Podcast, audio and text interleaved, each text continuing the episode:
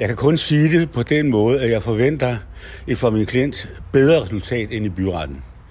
Jeg må sige, og det gav jeg også udtryk for efter, at byrettens behandling af sagen var slut, at øh, jeg mener, at det er en helt urimelig og uproportionel dom at dømme ham i en frihedsstraf. Sådan lød det her til morgen ved Vestre Landsret i Viborg. Her begyndte ankesagen mod den tidligere herrchef, generalmajor Hans Christian Mathisen. Mit navn er Peter Ernst ved Rasmussen, og du lytter til Frontlinjen om dansk forsvars- og sikkerhedspolitik. I denne udsendelse forsøger vi at gøre dig en lille smule klogere på det juridiske system i forsvaret.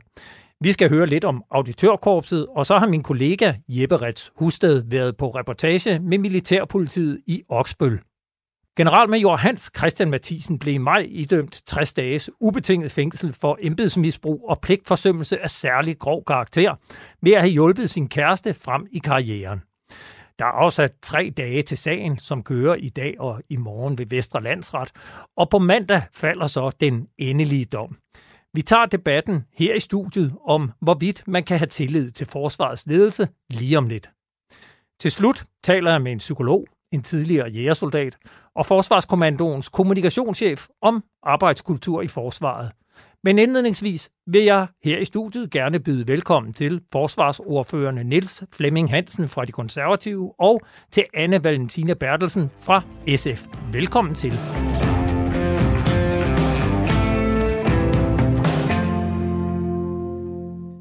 Vi har jo en ankesag, der kører i dag ved øh, Vestre Landsret i Viborg. Og øh, det er jo en sag, som blandt andre sager har skabt en vis fokus på øh, forsvaret og den kultur, der er i forsvaret.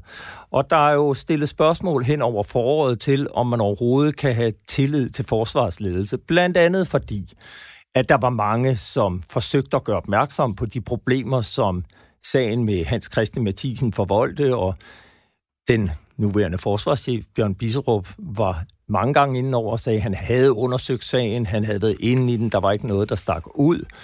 Og øh, så viste det sig, at det, han ikke kunne se problemer i, det er det, en dommer i Viborg har taxeret til 60 dages fængsel. Og jeg kunne godt tænke mig at starte med dig, Anne Valentina Bertelsen. Kan man have tillid til forsvarets ledelse? Nej, det synes jeg faktisk ikke, at man kan. Øh, og jeg synes, det er et meget alvorligt problem, Forsvaret er en utrolig vigtig institution. Det er en af de bærende institutioner, hvis du ser på sådan, hvordan strukturerer vi staten, ligesom skattevæsenet, så er forsvaret noget, der bare skal fungere. Og når man har så mange sager, hvor at forsvarets ledelse ikke gør det, som enhver kommunikationsrådgiver sandsynligvis vil råde dem til, nemlig lægge sig fladt ned og sige undskyld. Øh, det kan vi godt se. Det er noget råd, det her. Det må vi hellere få rettet op på. Så får man et rigtig alvorligt kulturproblem. Og det er der, hvor at vi bliver nødt til at undersøge, forsvarets ledelsesorgan, er det sammensat, som det skal være? Skal der være udskiftninger? Er der et kulturproblem, der rækker længere ned i forsvaret, og hvordan får vi bugt med det?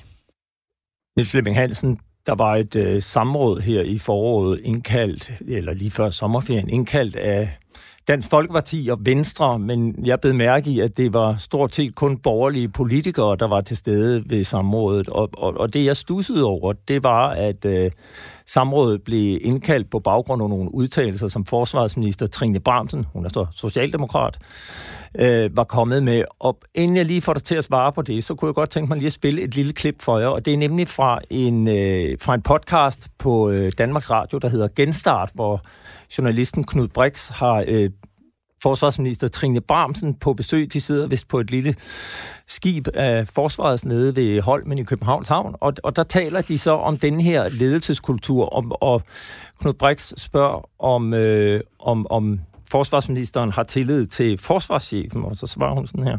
Så væk med ham, og så er nogle nye. Det er der sådan set masser, der har foreslået mig. Jeg skulle have fyret mange chefer mange gange. Men problemet er jo, at så har vi de næste chefer. Bliver det bedre af det? Det tvivler jeg sådan set på. Ja, det var øh, forsvarsministeren, der tvivlede på, at det nyttede noget at skille sig af med forsvarschefen, fordi så kommer der bare det næste led op, og skulle de være bedre end ham. Og det førte jo så til et samråd, og, og det samråd blev indkaldt af Søren Espersen, som motiverede det, og, og vi kan lige høre hans, øh, hans indledende snak her. Udover at det svækker den almindelige tillid til øh, det hele danske officerskorps, så er det også øh, noget, som egentlig øhm, øh, sænker respekten hos den menige soldat, som øh, på en eller anden måde får indtryk af, at hans øh, befalingsmænd og officerer, øh, de er... Øh, de er, de er ikke korrupte, men, men de er, de er nepotister, og, og, de, og de er foretagsomme, når det drejer sig om andre folks penge. Og det var altså Søren Espersen, der motiverede, hvorfor han havde indkaldt til et øh, samråd. Og der var du med, det var jeg. Flemming Hansen. Og altså, man kan sige, det var jo dels udtalelserne i øh, Genstart-podcasten, hvor, hvor, øh, hvor forsvarsministeren var kritisk, og så var der en andre udtalelser til blandt andet Politikken og Avisen Danmark, hvor hun havde udtrykt den samme frustration over ledelsen i forsvaret. Øh, hvorfor indkalder man til et, øh, til et øh, samråd med en minister og går til hende på baggrund af hendes udtalelser frem for at fokusere på de reelle problemer? Der er måske ikke nogen problemer, eller hvad? Det synes jeg er et, øh, et meget øh, interessant spørgsmål. Nu var det samråd, det var ikke en, øh, det var ikke en bøf, der var stik på min grill. Men, men ja, jeg deltog i det og undrede mig ved, ligesom som du sagde før, i at, at, at det stort set kun var den blå side af, af Folketingssalen, der var til stede. Men det ændrer jo ikke ved, at når ministeren kom med sådan nogle udtalelser i pressen, så skal der reageres på det. Man kan så diskutere, hvem der skal, der skal reagere på det. Men, men jeg synes, at når man kommer med sådan nogle udtalelser i pressen, så så man nemlig en tvivl omkring ledelsen i forsvaret. Øh, jeg er ikke på samme side i bogen. Jeg er ikke der, hvor jeg har øh, stor tvivl til ledelsen i forsvaret. Jeg må bare sige, at jeg bliver ualmindeligt vred, når jeg ser sådan nogle udtalelser, fordi, prøv at, for det første så har der været en masse møgsager. Det er vi ikke uenige om. Rigtig mange af dem har så været i nogle af forsvarets styrelser. Øh, og det er jo en ting, hvor de så kan parkeres. Men, men det handler jo om, at de helte, vi har ude og forsvare vores land og demokrati, der ryger en lille fli af deres stolthed hver eneste gang. Og når vi så har en minister, der udtaler sig på den måde i pressen, jamen så skal der reageres på det. Øh, men, og, men... det og det gjorde man, og det, øh, det var et uh, interessant og et spændende samråd. Altså, jeg synes egentlig, det, det er lidt spændende, at, at det er her, der ryger en fli af heltenes stolthed, og ikke når vi har sag på sag på sag, der handler om svindel og nepotisme, øh, strip på arbejdspladsen. Jeg synes, vi har været igennem mange spændende ting det sidste år. Jeg synes, det er ved de her sager, at der ryger en fli af stoltheden for de soldater, vi har udsendt rundt omkring i verden, og de medarbejdere, der er i forsvaret generelt herhjemme. Og det er et problem. Det er et kæmpe problem, fordi vi har jo, ligesom på alle andre arbejdspladser, brug for, at medarbejderne føler sig værdsat, og at det, de gør, bliver værdsat generelt. Men vi har også brug for, at vælgerne har tillid til så bærende institution, som forsvaret er. Ikke mindst også, fordi den er finansieret med deres penge. Men, men man kan måske også spørge, Niels Flemming, altså det du jo egentlig siger, det er, problemerne skal løses internt. Ja. At, at, at vi skal ikke have den offentlige debat omkring de problemer, der er i forsvaret, fordi det skader tilliden til forsvaret. Ej, det, det vil jeg sige, det, det, det, er, det, er, det jeg vil kalde en journalistisk øh, stramning. men, men er det, ikke det, du det, siger? Men, men, at, men, at, men det, jeg siger, det er bare, at, at det er klart, når der kommer nogle møgsager, så skal de op. Færdig slut. Men jeg må også bare sige, at rigtig mange af de sager, der er kommet, er jo ikke kommet i ministerens periode. Så, så hendes job, eller vores job som, som, som forsvarsudvalg, øh, det er jo at rydde op i det her. Og det, øh, og det øh, prøver vi at gøre så godt som muligt. Der er blevet lavet øh, rigtig mange, øh, synes jeg, fine tiltag. Og jeg giver Anne fuldstændig ret, at, at, at når der er de her møgsager, så går det, så går det ud over øh, den stolthed, som vores, øh, vores helte har. Men når selv ministeren på området står og, og går ud i pressen og udtaler de her ting, så synes jeg, det er meget forkert. Og så er mit spørgsmål jo, gør du ikke lige præcis det, som man også beskylder ledelsen i forsvaret for netop at skyde på budbringeren frem for at løse problemet? Ej, det, det, det, nej, det gør jeg ikke. Øh, det, man skal forstå i forsvaret, det er jo, at tillid til hinanden, det er altafgørende.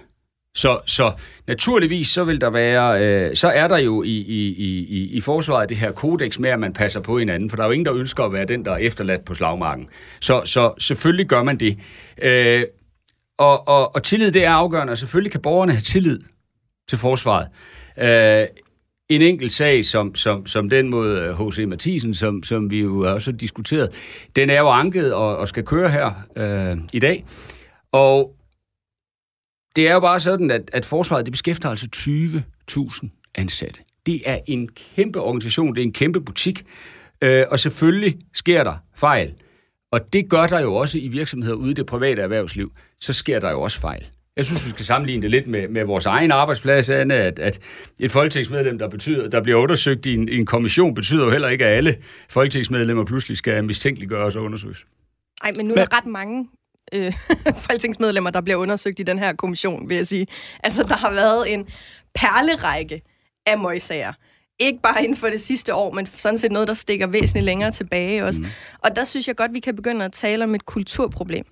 Og det er der mega ærgerligt, at vi står i den her situation, fordi det går rigtig hårdt ud over medarbejdernes selvfølelse, øh, opfattelse af, hvor værdsatte de er, og stolthed i deres arbejde, og det er jo ikke meningen, men det er nu engang den situation, vi står i, og vi bliver nødt til at tage tyren ved hornene og kalde en spade for en spade. Jeg, jeg kunne godt tænke mig lige at spørge, fordi Niels Flemming, du, du siger, det må vi jo så rydde op i, eller gøre, gøre noget ved. Og, og, og, og jeg, jeg, jeg kunne godt tænke mig at spørge jer, er det jeres opgave som forsvarsordfører, folketingspolitikere, er ryddet op i forsvaret, eller er det jeres opgave at øh, holde ministeren op på, og så må hun holde forsvaret op på at, at få ryddet op, Anne? Men altså, i udgangspunktet, så vil, så vil mange sikkert sige, om armslængdeprincippet er vigtigt, og forsvarets ledelse er også kompetent i sig selv, og de kan godt øh, gribe problemerne an og få styr på det. Problemet er bare, det er ikke sket det burde ikke være vores opgave at stå med en situation som den her, men det er det, fordi forsvaret magter det ikke selv. Det er det, vi kan konstatere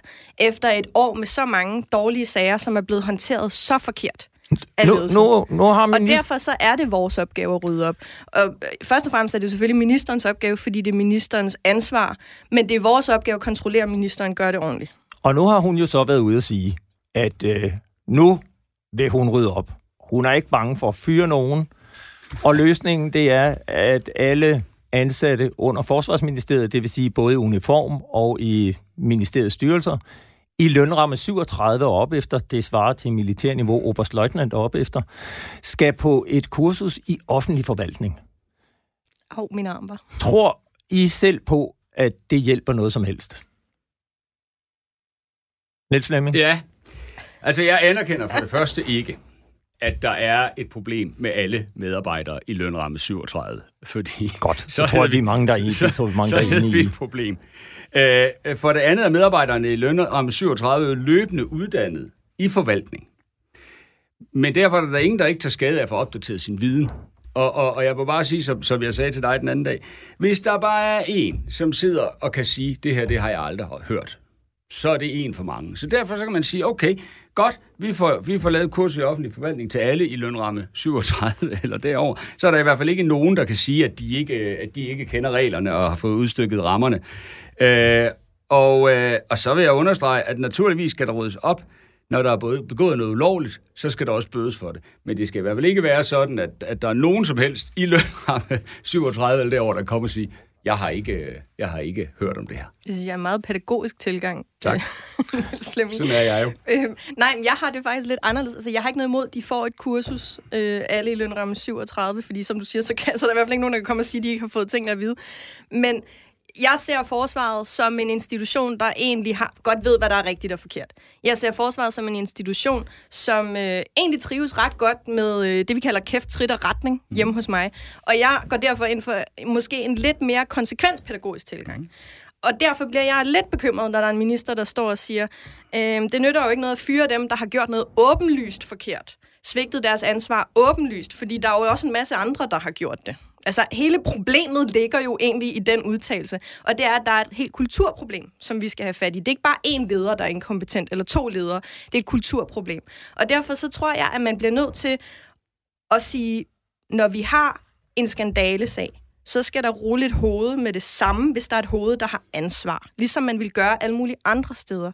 Og så skal man ind og virkelig kontrollere, at de foranstaltninger, man for eksempel har på arbejdspladsen om strip, bliver overholdt. Man skal ind og kontrollere, at det papirarbejde, der skal gøres efter lovens forskrifter og regler, bliver overholdt og gjort efter lovens forskrifter og regler. Det er den eneste måde at gøre det på. Det er også sådan, vi gør det på alle andre områder. Folk ved godt, hvad reglerne er, men de overholder dem ikke, jamen så må vi jo kontrollere bedre. Nu var jeg selv værnepligtig tilbage i 91 og har tilbragt snart, tror jeg, seks år i forsvaret op igennem 90'erne. Og jeg erindrer noget af debatten, den handlede om dengang, at man ville væk fra kollektiv afstraffelse. Altså mm. når en i gruppen eller delingen havde lavet en fejl, ja. så skulle alle straffe og bøde for det. Er det ikke lige præcis den form for pædagogik, øh, ministeren bruger her, når hun siger, jamen jeg tager lige alle de her flere hundrede mennesker i lønramme 37 og sender dem på kursus, for de må jo åbenbart ikke kunne finde ud af det. Jeg ved ikke, når... om jeg vil kalde det afstraffelse, at man kommer på kursus. Nej, men, men... men man kan jo sige, hun sender i hvert fald signalet om, at hun går ikke efter enkeltpersonerne, som tydeligvis ikke kunne finde ud af det, men hun inkluderer alle. Og, og jeg har jo talt med mange i forsvaret, som, hvor jeg ved i hvert fald, der er mange steder, man har følt sig voldsomt provokeret provokeret en minister, som netop i, bare kaster eller skyder med spredehavl og rammer alle. Ikke dermed sagt, at man ikke godt kan have gavn af et øh, kursus i offentlig forvaltning, men er det ikke også den meget nemme måde at sige, så nu har jeg løst problemet, Niels Flemming? Altså, du har fuldstændig ret i, at det er at skyde med spredehavl. Øh, og, og, og, og som jeg sagde før, det jeg hæfter mig ved, det er, så er der i hvert fald ikke nogen, der kommer og siger, at de ikke ved. Færdig slut øh, så synes jeg, at, at øh, og jeg kan egentlig godt forstå øh, dem, som siger, at øh, hvad er det for en minister, som, som går ud over og, og, og beskylder hele delingen. Jeg synes bare, at, at, at hvordan, hvordan får vi den her tillid tilbage til, til forsvaret ude i, ude i samfundet? Øh, det synes jeg er væsentligt. Jeg må igen påpege, at, at når du har 20.000 mennesker i en organisation, så sker der fejl. Og men man vil det, eller ej. Men der vil altid være nogle enkeltsager. Og ud af 20.000 medarbejdere, nu har jeg været ansat i en virksomhed med lige så mange, tro mig, der havde vi også rigtig mange sager. Og det får man. Øh, jeg kommenterer ikke på, på, på sagen omkring strip, fordi den øh, kører jo lige nu, så det synes jeg ikke, der er nogen grund til. Men, men der har jo været en anden sag, hvor en øh, kvinde havde lejet lærerlokale i Roskilde eller Ringsted, så vidt jeg husker, af sin kæreste, og hun sad op i, øh, i Nordjylland et sted. Øh, altså det her fireøjne princip, som der er, det kunne jeg måske godt tænke mig, at man kiggede på i visse tilfælde og udvide en lille smule. Fordi hvis der kun er to mennesker, der skal blive enige om et eller andet, så, så kan det godt være for lidt, når man sidder og forvalter jeres og, og mine penge. Så lad mig det, bare det har lige... vi jo sådan set i vid udstrækning i forvejen i forsvaret. Problemet er, at det bliver ikke overholdt. Præcis. Og det, det er lidt et issue. Det er derfor, vi skal ind og kontrollere, Altså, når vi har ja, og, sagt, og, at det er sådan den, her ting, der skal gøres, følger jeg lige op, de det så? Anne, fordi vi skal til at runde af. Ja. Men man kan sige, et kursus på, øh, for, for i offentlig forvaltning, øh, hører jeg lidt sige, det er i hvert fald ikke nok. Hvad vil I gøre her fremadrettet for at et holde ministeren i ørerne og sørge for, at man får genopbygget den tillid til forsvaret, jeg hører, I begge to siger, der mangler? Anne? Altså, jeg lægger ikke fingre imellem. Det gør jeg ikke her, det gør jeg ikke, når jeg snakker med Trine, som jo er forsvarsministeren. Og jeg synes, at noget af det vigtigste, vi skal til at have fat på her, det er, at man kan ikke bare lade embedsmænd, eller officerer, eller majorer, eller noget som helst andet sidde i en stilling, når de åbenlyst har svigtet deres ansvar. Det ser mærkeligt ud for alle parter, og derfor så skal vedkommende fyres. Det, det, var, er, det, var, det var en hård melding. Det er, det er det første skridt, når, men det er helt ja. basalt. Hvis ikke vi kan komme forbi det punkt, så kommer vi til at få rigtig svært ved at skabe tillid til, at forsvaret er noget, der fungerer, men også at dem, der skal kontrollere forsvaret, gør det ordentligt. Og Niels Flemming? Altså, jeg øh, har jo selv været leder i, i, i flere forskellige virksomheder, og, og jeg har i hvert fald lært, at man skal ikke hugge hovederne af dem, der begår fejl. Man skal selvfølgelig løse problemet. Man skal i forsvaret heller ikke hugge hovederne af dem, som anmelder fejl. Så når der kommer øh, anmeldelser ind, så skal det jo være sådan, at, at, at folk kan trygt og, og, og ordentligt aflevere deres, øh, deres anmeldelser. Jeg synes... Men, så skal jeg bare lige være... høre, vil det sige, at man nærmest kan begå uegnet fejl, uden at uh, Nej, selvfølgelig kan det ikke det. Det er klart, at der kommer en påtale, og, og, og så må jeg jo se på, øh, hvis det sker igen, jamen så er det jo en anden, øh, så er det jo en anden sag. Men det, jeg synes, der er det store problem, jeg runder af nu, det er sådan set måske nok den her søjleopdelte struktur, vi har i forsvaret, hvor rigtig mange har et ansvar. Og min erfaring som leder ude i det private erhvervsliv, det er bare, at når mange har et ansvar, så er der ingen, der har et ansvar. Det bliver det sidste ord i denne debat. Jeg er sikker på, at vi kommer til at diskutere videre. Tak fordi I kom, Anne Valentina Bertelsen, forsvarsordfører i SF, og Nils Flemming Hansen, forsvarsordfører for de konservative. Tak. Tak skal du have.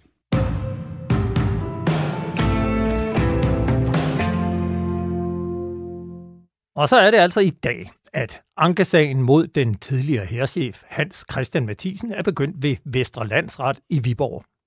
Sagen er anlagt af det, der hedder Forsvarsministeriets Auditørkorps, og det er forsvarets interne anklagemyndighed. Det består af efterforskere, som er rekrutteret ved politiet, og i retten møder så auditøren, som er uddannet jurist og hedder Claus Risbjerg. Det særlige ved auditørkorpset er, at det kun kan efterforske og rejse tiltale mod militært ansat personel, altså forsvarets medarbejdere i uniform.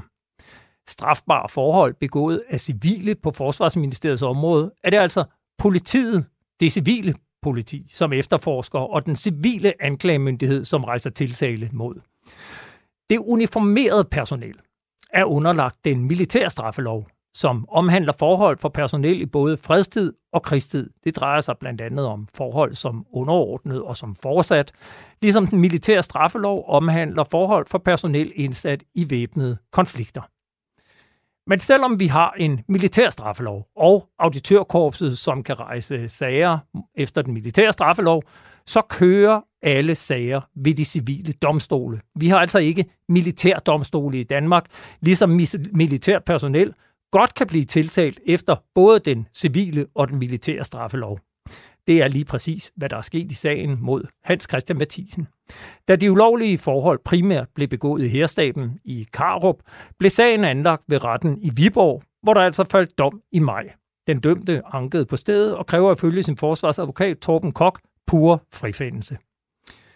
H.C. Mathisen blev dømt efter et anklageskrift, som omhandlede forhold inden for både den militære og den civile straffelov. Og han blev dømt efter dem begge. Han blev blandt andet dømt for embedsmisbrug efter den militære straffelov for at have ændret på kriterierne til operations- og føringsuddannelsen, så hans kæreste blev optaget uden først at være kvalificeret. Han blev også dømt for pligtforsømmelse af særlig grov karakter efter den militære straffelov ved at have givet sin kæreste adgang til sin personlige tjenestemail. Sagen blev altså efterforsket og ført af auditørkorpset.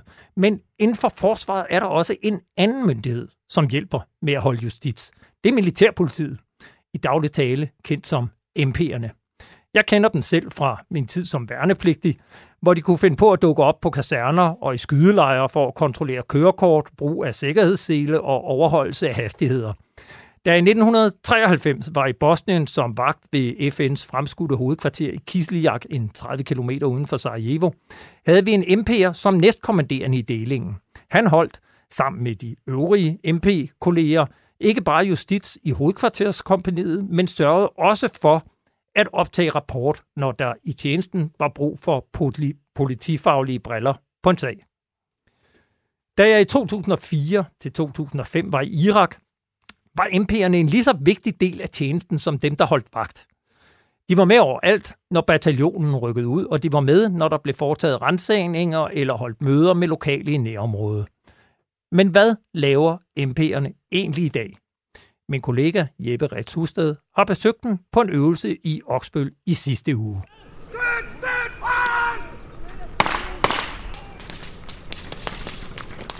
I det afsvedende græs foran gulstensvillagen ligger seks mænd i camouflagetøj. Den ene er såret, og mens deres tre SUV'er kører i tomgang, bliver de angrebet. Jeg står og betragter øvelsen sammen med Nikolaj. Det spillede, det spillede med, med det der. Det var rigtig fint. Nikolaj er 32 år og chef for et kompani af militære politifolk. Det meste af en uge har hans folk trænet på Oksbøl øvelsesterræn i det allervestligste Jylland. De træner på livvagt. De skal over og gennemføre et øh, besøg over ved en, øh, en øh, general sammen med deres VIP. De ved egentlig ikke rigtigt, hvad der skal ske, så de skal hele tiden tilpasse deres formationer osv. Øhm, og så på et eller andet tidspunkt, så vil han gerne ud og se noget ude på, på marken herude, øh, om bag ved det gule hus. Og så, øh, så sker der noget. Og så, øh, så skal de så agere ud fra det. Hvor mange er, er de på hver af, af de to hold? På, på de her livvagtshold, vi har sat op hernede, der er de i alt ni mand. Og det er inklusive øh, tre kører, så de er seks mand på jorden. Og øh, bad guys, der har vi så sat øh, fire mand ind. En mand, der ligger med lidt løs krudt. Det kan godt være sådan lidt la-la. Øh, to mand, tre mand, fire mand. Så får vi i hvert fald lavet noget larm, fordi folk har også høreværn i derude. De seks livvagter, den sårede general og hans gæst, der er iført hvid skjorte, de er alle sammen trukket ind i et rødt villahus fra 70'erne. Imens forklarer Nikolaj, at livvagtstjenesten kun er en lille del af militærpolitiets opgaver. En niche i den hårde ende. Jamen, altså det, det laveste, vi har, det er jo, det er jo selesager og køre uden kørekort herhjemme, ikke? Øh, eller for den sags skyld øh, selesager øh, udenlands, øh, over til øh, de hårde sager, som øh, kan være øh, dansk øh, personel, der, der er kommet til skade, enten lidt eller meget. I årsrapporten fra Auditørkorpset kan man se, at militærpolitiet både har sikret de tekniske beviser i forbindelse med en mulig overgrebssag i udlandet.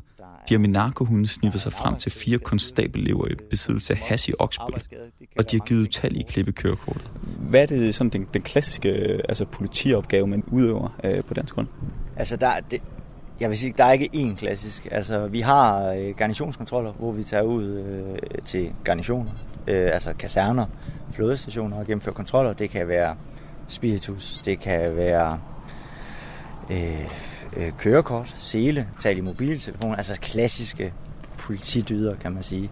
Vi tager også ud i øvelsesområder. Vi har farlig godskontroller, hvor vi har jo masser af køretøjer, der kører med ammunition fra et område til et andet. Øh, er papirerne i orden? Er brændslukkerne der? Så meget klassiske politidyder, og så går vi jo så også ind, altså vi arbejder jo sammen med politiet. Så nogle gange, når de har deres større kontroller øh, sammen med øh, øh diverse styrelser, jamen så, så hægter vi os på der og tager så, når det er militære køretøjer. MP'erne, som militærpolitiet gerne kaldes, er både en del af forsvaret, og samtidig også politi i forhold til deres, i gåshøjen, kollegaer. Selv hvis de har det samme kamuflagetøj på som alle andre, så kan de genkendes. Deres røde baretter skiller dem ud fra mængden. Der, der er mange, der siger, at militærpolitiet og øh, jordbærhjelme, røde baretter, de er her bare for, for at snitte os. Øh, men men der, er, øh, der er tilfælde, hvor, hvor man både har set, at en sag ikke er blevet taget, og så går der, lad os sige, fem år, så dukker den op på grund af, at der er nogen, der siger noget højt, og siger, det her, det er jo ikke i orden. Øh, men hvis den ikke er blevet taget lige efter, så kan det være, at man får den her, ja, nej, du er ikke, altså den der opfattelse af, at man er ikke rigtig frifundet, men de kunne bare ikke dømme en.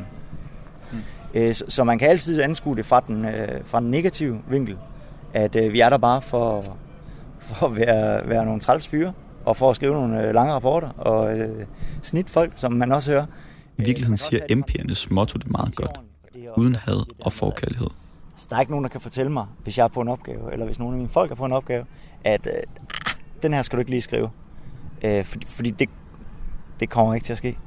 Du kan jo godt som konstabel, øh, korporal, sergeant på en eller anden opgave, enten herhjemme eller ude, stå over for en oberst, som er altså, rangmæssigt væsentligt højere, og så bare skulle stå fast og sige, det kan jeg godt forstå, du synes, det er træls det her, men jeg bliver altså nødt til at, at gøre sådan og sådan. Og så er det jo vigtigt bare altid at forklare, hvorfor det også er i hans interesse, at tingene ikke bare bliver gjort væk. Fordi øh, jeg tænker også, hvis man, hvis man stiler efter et eller andet, her i forsvaret, jamen, så vil man også gerne have, at der er ren røv trudig, og ikke et eller andet, der kommer og, øh, og, og, og man sige, hjemsøger en på, på bagkanten. Man må alligevel skulle tage en dyb indånding der første gang. Ja, jamen det skal man. Selvfølgelig skal man det. Men, men altså, vi har, har jo også, før vi sender folk ud, så har de noget missionsorienterende uddannelse, hvor vi laver nogle momentspil. Det er jo ikke det real deal. Men man kan begynde at forberede folk til, at jamen, det kan godt være, at du har en general siden over for dig. Du skal stadigvæk sige, jamen her generelt, det er altså sådan her, det skal køre, og det bliver jeg nødt til at gøre. Øh, og det, så kan det så godt være, at øh, militærpolitiofficer eller sergeant ikke sådan en karrierestilling øh, nødvendigvis. Ej, det var, øh, det var en joke, men... Øh, men, For en udenforstående som mig selv virker det til, at livvagtmissionen i Brikby er afblæst. Skydningen er indstillet, og i et lille kvarter har det kun lidt lavmældte samtaler fra det røde villahus. Ja, vi rykker. Men så vinker en mand iført en orange sikkerhedsvest os væk, og kort tid efter går det igen ud.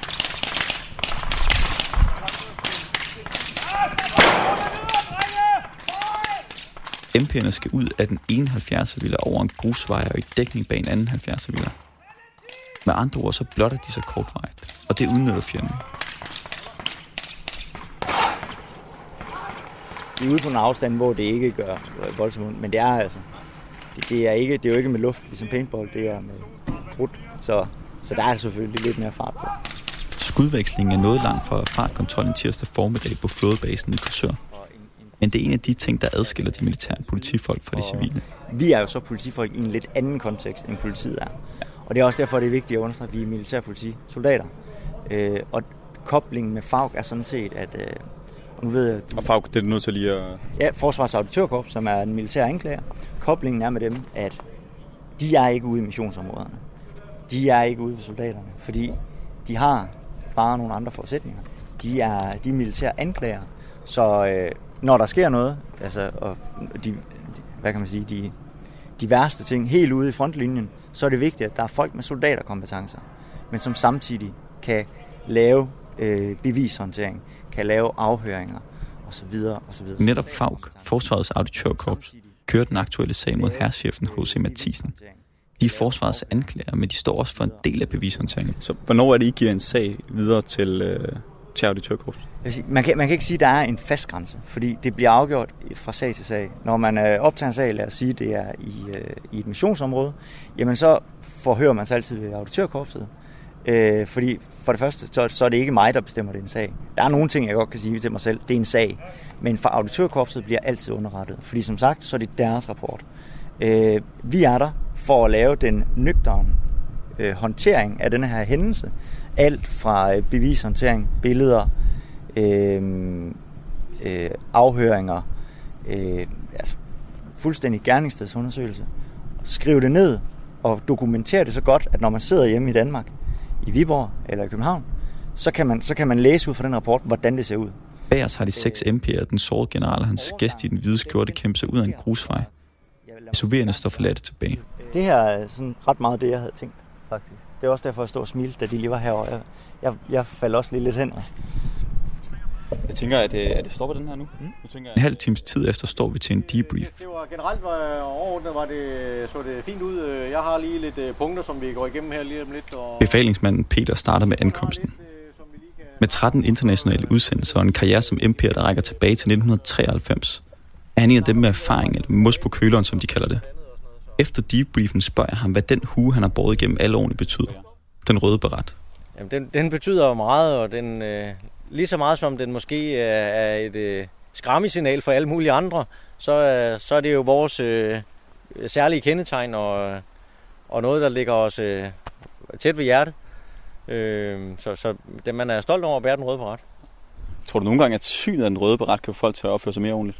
Det er jeg helt sikker på. Den, øh, den får øh, folk til at anlægge sikkerhedsseler, hvis ikke de har det, og får folk til at sætte hastigheden ned, og de øh, får folk til at hænderne op af lommen, og øh, den, den får generelt folk til lige at kontrollere sig selv, når de ser den røde bræt. I, I mange tilfælde i hvert fald. Så den har den ønskede effekt, kan man sige? Ja, det kan man sige. Den, den, øh, den har en præventiv virkning, kan man sige. Ja, en øh, præventiv virkning. Der er så andre steder i forsvaret, hvor den røde beret ikke har været alt for fremherskende. Der har i hvert fald været en del sager, og det er noget af det, vi skal tale om nu.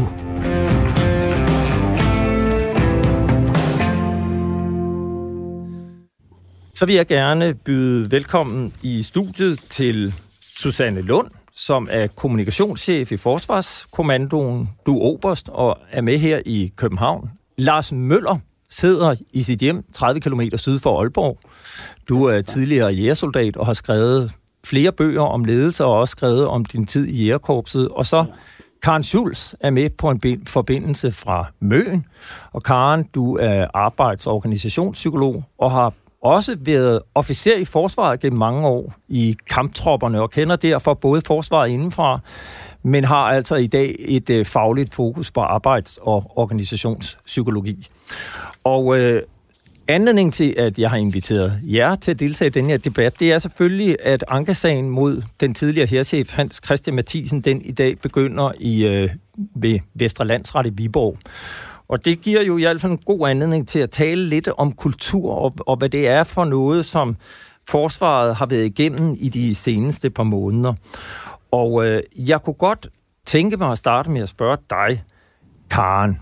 Når man ser sådan en sag som den, jeg skal lige huske at, at sige til lytterne her, at fordi at ankesagen er begyndt i dag ved Vestre Landsret, så kan Susanne af gode årsager ikke udtale sig om sagen. Og vi kommer også sidenhen til at tale om den aktuelle stribersag ved Frømandskorpset, som har kørt den seneste uge, den seneste halvanden, to uger.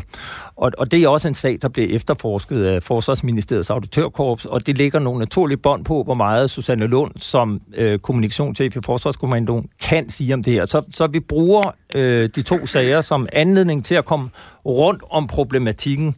Men jeg øh, har lovet Susanne ikke at spørge direkte til sagen, og skulle jeg komme til det, så vil hun øh, meget klart gøre sige fra, har hun lovet. Men, men Karen, vi har den her sag, som jo handler om en tidligere herrchef, som som hjalp sin kone frem i øh, kæreste frem i karrieren, og han blev i maj ved byretten i Viborg idømt 60 dages ubetinget fængsel. Og øh, jeg kunne godt tænke mig at spørge dig, med din baggrund i forsvaret, og så med din viden som psykolog, hvordan kan sådan en kultur opstå, at noget, som åbenbart ganske åbenlyst er foregået, øh, uden at der er nogen, der har reageret. Altså, han har ændret på kriterierne, hvorved der blev byttet om på rækkefølgen til en uddannelse, hvorved hun rykkede frem og blev optaget, øh, og, og, og, og, og bliver altså dømt. Hvordan kan sådan en kultur opstå, at sådan noget kan foregå? Altså, kultur opstår jo alle steder, altså ud fra, hvad vi gør og hvad vi ikke gør, hvad vi siger sammen med hvem, og hvornår vi tiger og er stille sammen med nogle andre. Så, så det, der er særligt ved forsvaret her, øh, og ikke kun ved forsvaret, men også nogle andre organisationstyper, der ligner, altså med højt hierarki, med en tydelig vægt på, at man skal tage sig pænt ud, det er, at hemmeligheder kan trives. Altså at, at man så at sige bliver belønnet for at holde sin mund eller holde, holde, holde tæt i en mindre gruppe, hvad det egentlig er, der foregår. Øhm, og, og hvordan kan det alligevel også komme afsted, kan man sige, fordi hvorfor er der ikke bare en på et, et eller andet tidspunkt, der siger, altså jamen ligesom den lille dreng kejserens klæder, jamen han har jo ikke noget tøj på, Jamen det er de repræsalier, der, der spøger uden at være formaliseret. De er jo ikke skrevet ned. Altså hvad sker der med dig, hvis du slader her? Men der er det jo ikke anderledes i forsvaret, end det er i en hvilken som helst anden organisation, at hvis du overtræder øh, nogle af de uskrevne regler, så, så er straffen, at du bliver lukket ud. Altså, så, så bliver du øh, ekskluderet fra fællesskabet, og noget af det, af det sværeste for mennesket er, udover at være, blive mødt med tavshed, det er altså at blive lukket ud fra det gode selskab. Det er meget, meget øh, svært for et menneske at være i en gruppering, hvor man på, på mange forskellige og tydelige og, og utydelige måder får at vide, at man ikke hører til. Så det kan godt lade sig gøre i forsvaret. Hvor... Men, men altså, det, det er overraskende for mig, må jeg sige, at det sker for en generalmajor. Altså det, altså det, hvis du havde spurgt mig som rekrut for 41 år siden, eller, eller havde spurgt mig som ung kadet inde på officerskolen, jamen altså, eller senere som tjenestgørende i kamptrøje, så havde jeg sagt, nej, nej, det, det kommer ikke til at ske. Susanne, du, du er jo kommunikationschef i, øh, i Forsvarskommandoen. Hvad gør man i forsvaret for at sikre, at man har en kultur, hvor, hvor man ikke er bange for at gøre opmærksom på, hvis der er kritisable forhold? Og, og, og hvad, hvad, hvordan håndterer man det her i forsvaret? Altså, det er jo en 100 år, flere hundrede år gammel kultur med, med det her hierarki. Ja, altså jeg vil jo gerne starte med at sige, at øh, jeg er der jo i hver eneste dag. Og vi har en forsvarschef, der har sagt, at man skal sige, hvis der er noget, øh, man har behov for at sige øh, soldater, de, øh, de opfører sig ordentligt. Og det at sige, at den enkelte sag er lige med, at der er en kultur i forsvaret, det, det er jeg simpelthen ikke enig i. Altså soldater skal være værdige til at gå i uniformen. Soldater har en øh, sindssygt stærk øh, korpshånd og, øh, og et stort sammenhold i, øh, i organisationen. Øh, og hele præmissen, vi går jo i krig sammen. Vi skal stole 120 procent på hinanden. De gange, jeg har været udsendt, har jeg øh, været enormt afhængig af menigt personel, som sagde til mig, nu stopper du, vi kan ikke gå her, fordi det er for farligt. Og så måtte jeg jo sige, er det her, er det her så nødvendigt, at vi skal gå, selvom det er farligt? Men ofte så hørte jeg jo på dem. Så ja, vi er hierarkiske, men der er også en stor øh, faglighed, øh, hvor, hvor man skal sige fra. Så en enkelt sag er ikke et, et tegn på en, en dårlig kultur i forsvaret. Det vil være det første, jeg vil sige. Syn- når, nej, undskyld. Når det, så er, når det så er sagt, altså, så kan man jo sige, at øh, som Johannes Møllehave siger, altså, man skal jo tro det, før man kan se det, og man skal se det, før man kan tro det. Øh, så kan der ske fejl i en organisation som forsvaret. Ja, det kan der godt. Men soldater af alle grader, de opfører sig ordentligt, og det er det, der er udgangspunktet. Og det er også det, der gør, at man er så sindssygt stolt af at gå i uniform. Det er netop, at det er helt unikt. Det er helt, et helt unikt fagfelt, øh, og hvor der er en helt særlig kultur. Øh, men jeg synes jo faktisk, at den for 99,9 procent vedkommende er, er noget sindssygt positivt, som vi kan være stolte af. Lars, du har jo selv gjort øh, tjeneste i Jægerkorpset, som jo er kendt for at være mm. en, en af de altså et af Danmarks specialkorps, hvor man jo ikke som regel taler vidt og bredt om, hvad man render rundt og laver. Uh, har du oplevet en uh, tavshedskultur, hvor man ikke kunne sige fra, hvis man oplevede noget, som, som ikke var i orden? Nej, det har jeg faktisk ikke.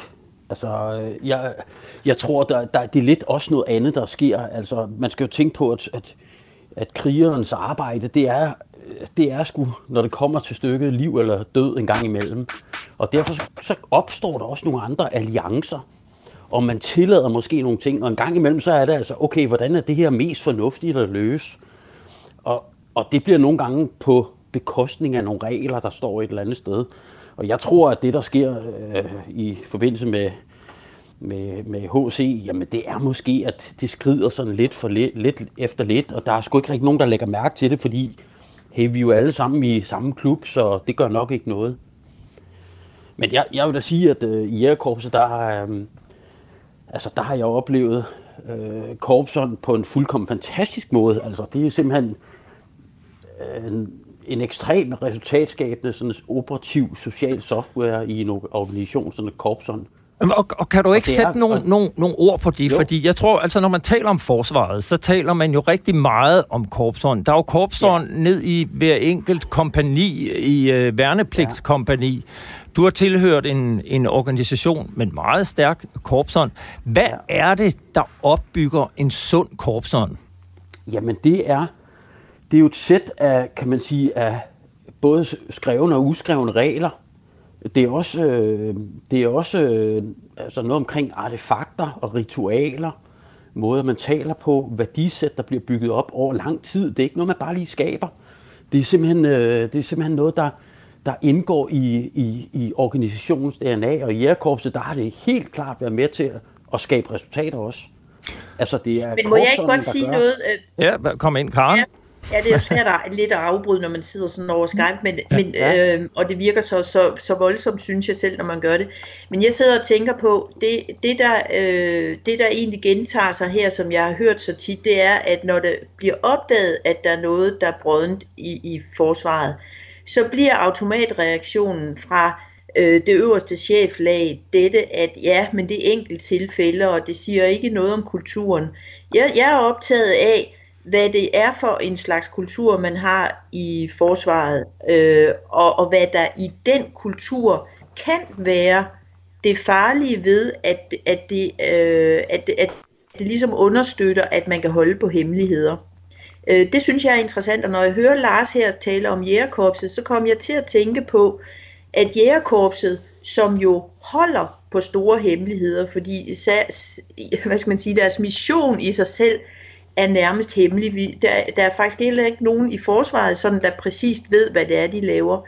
De laver simpelthen nogle ting, der er så farlige og så øh, afgørende på liv og død med hinanden i fjendeland, altså ude, hvor de ingen andre har end sig selv, så de er nødt til at være 100% ærlige over for hinanden. Jæger går heller ikke særlig meget op i gradssystemet. Er det ikke rigtigt, Lars? Jo, det er fuldkommen rigtigt. Ja. Øh, og, og, og, og, og, og Jægerkorps er altså et sted med meget, meget dygtige, flittige, ambitiøse mennesker, der næsten altid når de mål, de sætter sig. Og det er altså dels på grund af den her korpsånd, altså man vil bare ikke falde ja. udenfor. Ja, du Lars, jeg, jeg, jeg, jeg, jeg, jeg godt tænke mig lige, lige at spørge dig, du taler om korpsånden øh, som ja. noget meget positivt. Har du aldrig ja. oplevet, at, at korpsånden også kunne have en negativ jo. effekt? Jo, Altså, øh, altså man, man skal selvfølgelig lige forstå også, altså, det, det, det, altså i jægerkorpset, der er opgaverne så besværlige en gang imellem, at det er simpelthen nødvendigt, at man er vilde kriger, og den vildskab, den skal man altså ikke tage ud af sådan et sted. Det sker også, altså, der sker selvfølgelig også fejl. Og selvfølgelig har jeg også oplevet, at, at, at der er en bagside af den medalje her, ikke? Fordi øh, man kan jo fandme næsten få folk til alt. Øh, og det vil sige, at man opdager ikke, når det måske lige kører ud en tangent, ikke? Og jeg, vi, har sgu da også, vi har sgu da også haft sådan noget, vi har da også haft strip i Jægerkorps engang. Ja. Yeah. Ikke? Altså, og, og, og det, det er, jeg ser det slet, altså det er bare testosteron, der flyder lidt over, ikke? Altså, hvis vi lige... Ja, det er jeg heller ikke så farvet over, men, altså. men, men, ja, Nej, det er jeg sgu heller ikke. Altså, det, det, det, man kan sige, at det, det er bare sådan noget, der sker, fordi når der er mange mænd samlet, ikke, så, så sker så noget. Den vender vi lige tilbage til. Den, den vender vi lige tilbage til om lidt, men jeg kunne Ja, godt lige okay. tænke mig at, at, at spørge Susanne. Altså, Karen siger det her med, at, at når man oplever sådan noget, så er det en lidt en automatreaktion for forsvaret, at sige, det er et enkeltstående tilfælde. Og jeg har jo selv på egen krop oplevet, hvordan at budbringeren, jeg selv, øh, bliver gjort til problemet, at der er ikke noget, det er bare det, at det kommer frem.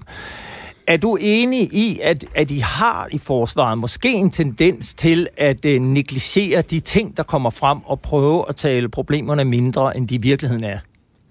Det er jeg slet ikke det enig i. Nej, det er Susanne. okay. Jeg, jeg, er slet ikke, jeg er jo selvfølgelig slet ikke enig. Altså, hver eneste sag tager vi sindssygt alvorligt. Vi er 20.000 ansatte i forsvaret. Øh, så, så at sige, at enkeltsager, som, som du har fremført, at vi ikke tager det alvorligt, og at vi går efter dig, nu er du jo ikke øh, ansat i forsvaret, men øh, vi går faktisk ikke øh, efter budbringeren. Vi tager det mm, utroligt alvorligt. Altså jeg ved, at I har også hørt om auditørkorpset, vi har vores militærpoliti. Altså alt bliver undersøgt. Vi kan, ikke, vi kan simpelthen ikke leve med, at man stiller tvivl om, hvor vores loyalitet ligger. Soldater, hvis vi går i døden for nationen, vil man gøre det, hvis der var en rådden kultur? Det, det tror jeg faktisk ikke. Altså, man kan ikke befale korpsånd til soldater, men man kan godt fjerne korpsånden fra soldaterne. Så helt grundlæggende, der er, øh, altså, der er jeg simpelthen ikke enig i, i præmissen. Er, er vi trætte af, når der er sådan nogle sager, og bliver vi ked af det? Ja, det gør vi, fordi hvis der er nogen, der gør noget, der ikke er inden for det, vi alle sammen forventer, og det vi, man kan sige, det vi kalder vores etik, eller vores korpsånd, eller hvad det er, jamen så bliver vi da enormt skuffet, for vi skal kunne stole på hinanden. Men vi går også i krig, og derfor, øh, når nu der bliver sagt det her med, jamen, at man kan holde på hemmeligheder og sådan noget, ikke? man skal leve op til de krigens regler, der er, og man skal opføre sig ordentligt. Men det er ultimativt det, vi gør, og derfor så skal der være en sindssyg tillid imellem hinanden. Og kan den, når den så bliver brudt, gør det så ondt? Det gør det, og tager vi det alvorligt? Det gør vi i hvert fald. For et års tid siden, der var der en, øh, en øh, tidligere værnepligtig ved den kongelige livgarde, øh, Anton Skriver, som øh, skrev en bog omkring hans tid i livgarden som værnepligtig. Og øh, han talte der i hvert fald om en, om en meget uheldig kultur, og det skal det ikke handle om nu, men Jeppe, min gode kollega, har alligevel ringet til ham for at høre, om han føler, at den debat, han egentlig var anledning til kom, om den har ændret noget omkring øh, kulturen i forsvaret. I kan lige lytte med her. Jeg hedder Anton Theodor Olesen, og jeg er øh, 23 år gammel. Frem til sommeren 2018 var Anton i Livgarden, og året efter udgav han en bog, der kritiserede arbejdsforholdene og kulturen på stedet. Som jeg så det, var det, var det en destruktiv kultur, som i det store hele synes jeg ikke fremmede, eller i hvert fald havde nogle ting, som der, der klart kunne gøres bedre. Øh, Og det, det handler om ligesom arbejdskulturen, som jeg ikke så som opbyggende overhovedet, men mere som nedbrydende. Det bliver jeg meget ked af at se øh, og mærke på mig selv, men også, øh, også på de andre derinde. Så føler jeg, at jeg får en rigtig god idé, og det var, det var at jeg kunne sådan skrive de her ting ned og komme ud af, min, komme ud af min frustration på den måde. Og så udviklede det jo til en, til en bog. Jeg kunne bruge det her til ikke bare at komme ud af mine egne frustrationer, men måske kunne jeg også hjælpe andre, der har haft det ligesom mig, til ligesom at føle sig forstået, øh, og prøve at give noget opbakning til dem, og, og så samtidig også måske kunne ændre noget derinde. Egentlig har jeg ringet til Anton her 10 måneder efter, at debatten om Livgarden rasede, for at høre, om han tror, den ændrede på noget. Øhm, det håber jeg, og jeg, jeg tror da også, det har ændret, ændret noget. Altså, jeg kan huske, at en af dem, jeg talte med i Deadline, en øh, oberstløjtnant, havde skrevet, at de havde hvad hedder det, vedtaget, at der skulle være sådan nogle arbejdsmiljøundersøgelser inde i Livgarden, så man nemmere kunne komme ud med nogle problemer, de havde, eller øh, ting, de ikke synes var okay derinde. Så for eksempel sådan noget der, det, det tror jeg måske har ændret sig lidt. Og at, så tror jeg snart, der er kommet noget, ligesom noget awareness på det. Så at måske folk lige tænker sig om lidt mere. Jeg tror da, at topledelsen derinde ikke, altså, det ikke går ind for mobning og sådan noget. Det tror jeg selvfølgelig ikke, de gør, men det er bare det er svært, for der er så mange lag mellem for eksempel en sergeant op til sådan en, en general eller en, en oberst. Jeg tror, det er svært for dem at få styr på det. De er der ikke hver dag. Så jeg ved heller ikke, om de kan forstå det, eller sådan se, hvad jeg mener, når de ikke er til stede i det. Responsen fra folk, der selv havde været i militæret eller stadig er det, deltager i to kategorier. Og en anden ting var jo ligesom, hvordan folk, der selv havde været i livgarden, eller folk, der havde været militæret, reagerede på det. Og det var, det var meget blandet. Ikke? Der var nogen, der blev meget øh, fornærmet over det, eller hvad man kan sige. der blev sure over, at, at, at jeg kritiserede det, ikke? Øh, fordi de måske havde haft en anden oplevelse med det, eller, eller synes, at det var, at det var, at det, at, at, at man, at man taler om sådan nogle ting, at det ikke er, er så sejt, eller ikke, ikke, ikke så godt at gøre. Ja, så ledes sagde altså Anton Skriver, som udgav bogen Dræn øh, for et års tid siden. Det skal ikke handle om, om Anton, men, men det er jo en god anledning til at diskutere skillelinjen her mellem i hvert fald forsvar og civil, fordi Susanne, du har selv sagt det her, i sidste ende handler det jo om, vi skal i krig sammen, og vi skal have 100% tillid til hinanden. Hvor meget adskiller forsvaret sig fra det civile i forhold til, hvilken omgangstone man kan have, og, og hvor hårdt man kan tale til hinanden. Øh, og, og man kan sige, vi har jo hierarkiet i forsvaret, netop fordi der er nogen, der er nødt til at træffe nogle beslutninger. Kan du sætte nogle ord på det her med, hvilken kultur man, man kan have over for værnepligtige unge mennesker, der kommer ind, og hvor vigtigt er det, at, at man så ikke falder over i den anden lejr og siger, at vi skal diskutere alt, og vi skal kunne snakke om, om det hele? Ja. Altså, jeg synes jo, at øh, Anton tog vi jo også, øh, altså det lyttede vi jo også rigtig meget til. Vi har jo øh, virkelig kigget ind i det, og alle skal jo have en positiv oplevelse af at komme ind i forsvaret. Men det er effektivt, og det er tydeligt, den måde, vi kommunikerer øh, i forsvaret, fordi det er nødvendigt. Vi bliver nødt til at være fagligt øh, virkelig, virkelig dygtige og sige til folk, når ikke de er gode nok. Jeg kender ikke Anton øh, overhovedet. Jeg er sikker på, at øh, han har gjort det ganske udmærket, og jeg anerkender hans øh, øh, udfordringer. Men vi har jo venteliste i overvis på unge mennesker, der gerne vil ind og aftjene værnepligtig.